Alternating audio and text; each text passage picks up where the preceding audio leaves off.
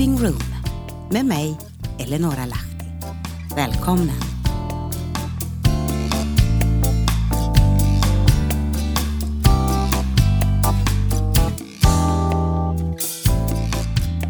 Nu har vi kommit fram till en av de största högtiderna i eh, den judiska traditionen. Och vi ska lära oss lite grann om Sukkot. Och jag ska läsa för dig om att fira det som har varit och det som kommer. Är det vardag eller helgdag? Jag förstår inte. Ingenting stämmer.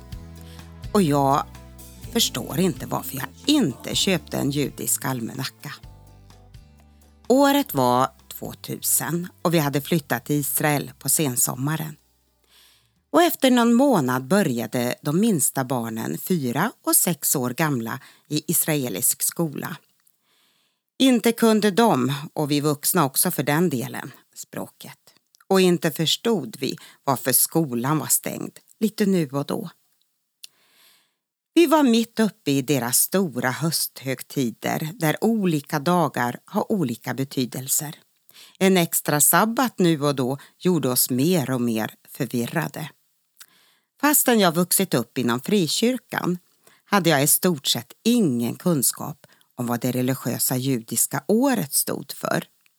Fast det är så tydligt beskrivet i Bibeln. I min familj så läste vi ur en liten bok under de här högtiderna som vi hade köpt med oss. Vi försökte förstå, men det var ändå så svårt. Nu har jag fått möjlighet att lära mig lite mera kring allt det här och en fantastisk värld öppnar sig.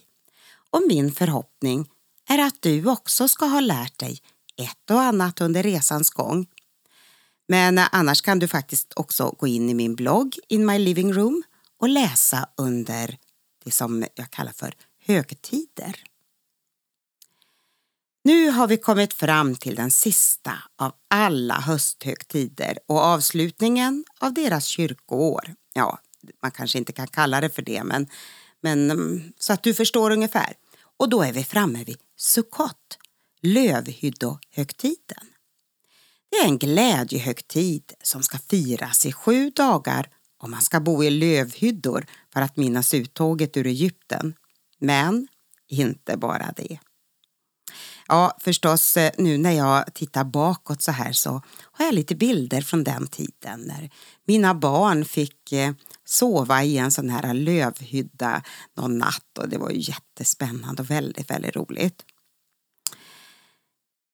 Och de här eh, högtiderna de börjar ju lite olika dagar för varje år. Och nu när jag skrev det här så var det den 17 oktober men eh, nu år 2017 så börjar Sukkot den 5 oktober. Så eh, det är bara att hänga på lite granna i deras almanacka. Det ska vara den sjunde månaden i eh, deras kalender. Och i samma månad för ungefär 3000 år sedan flyttades arken in i templet och Herren själv uppfyllde huset. Gud själv tog sin boning mitt ibland sitt folk och det var Sukkot.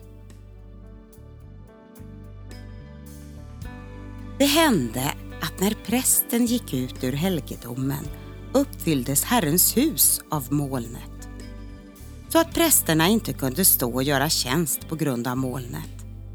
Ty Herrens härlighet uppfyllde Herrens hus. Första Konungaboken 8, vers 10 och 11. Det är den sista vallfärdshögtiden för året, Sukkot, lövhyddohögtiden.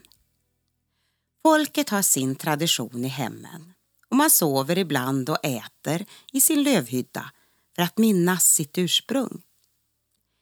I templet levde man med erfarenheten av att Gud hade tagit sin boning mitt ibland dem och man offrade mera än vanligt. Och då ska du veta att det hebreiska ordet för offer, det betyder just komma nära. Prästerna de delades in i tre grupper. Den ena gruppen tog hand om offren i templet. En annan grupp gick till Motsadalen vid östra tempelporten för att skära pilkvistar och bära dem till templet.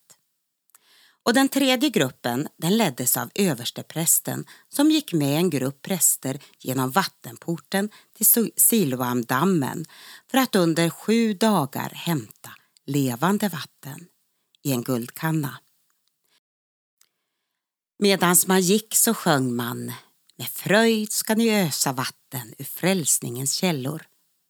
Och sen gick man tillbaka till templet och öste vattnet över altaret. Det var en vattenösningsceremoni.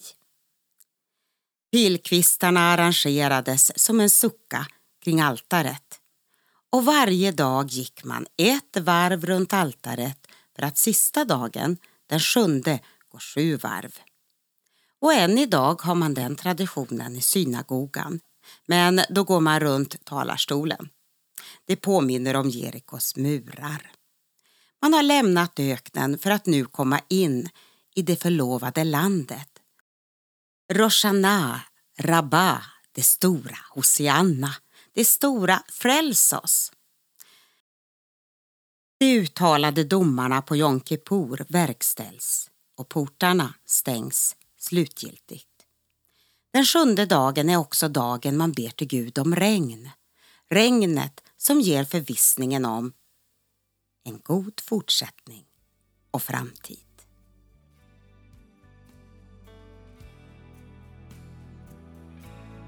Ordna er i högtidsled med lövrika kvistar i händerna fram till altarets sol. Psalm 118, vers 27. Herren, Herren är min starkhet och min lovsång och han har blivit min frälsning. Med fröjd ska ni ösa vatten i frälsningens källor. Jesaja 12, vers 2 och 3. Samtidigt som allt detta sker i templet inträffar något parallellt. Någon står och ropar. På sista dagen, den största i högtiden, stod Jesus och ropade. Om någon törstar så kom till mig och drick. Den som tror på mig, ur hans innersta ska strömmar av levande vatten flyta fram, som skriften säger. Johannes 7, vers 37 och 38. Det finns något profetiskt inför framtiden kring allt detta. Amos och Apostlagärningarna talar om en ny tid när Gud ska resa upp Davids förfallna hydda, eller sucka. Jag ska vända tillbaka och åter bygga upp Davids förfallna boning. Dess ruiner ska jag bygga upp och jag ska upprätta den igen för att alla andra människor ska söka Herren. Apostlagärningarna 15, vers 16 och 17 och Amos vers 9, 11 och 12.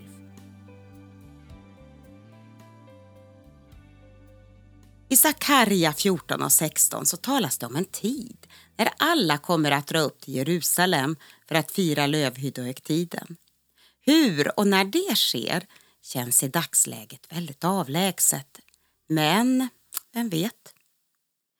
Det vi nu kan få göra det är att förtröstansfullt blicka framåt och se att vi har en underbar framtid att se fram emot med vår frälsare och vår Messias. En helt ny tid där Guds fullkomliga försörjning helt omsluter oss. Ja, sen var det också frågan om det var vid Sukkot Jesus föddes.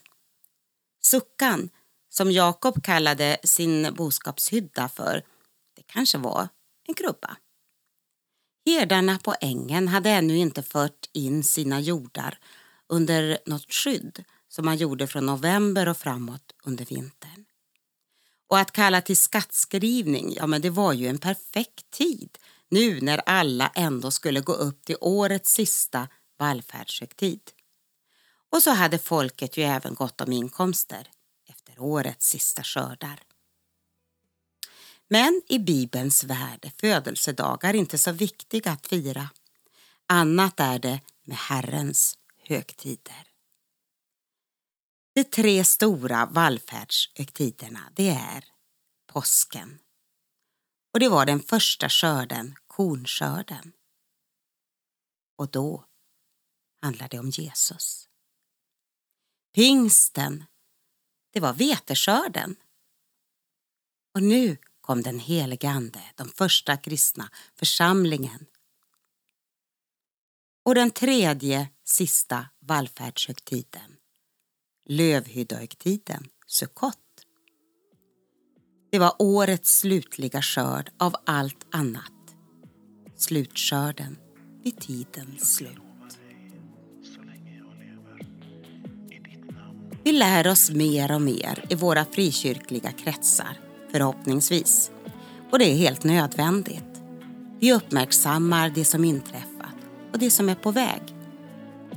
Snart kanske det är dags att fira också, som det står skrivet om. Jag ska lova dig så länge jag lever. Jag ska lova dig så länge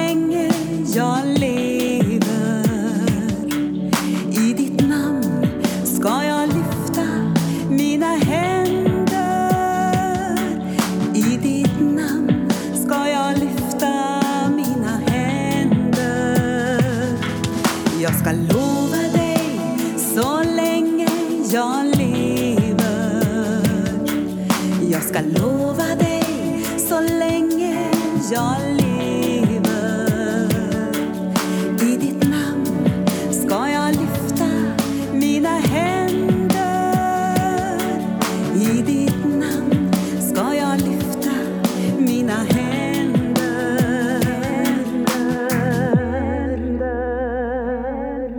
Jag ska lova dig så länge jag lever.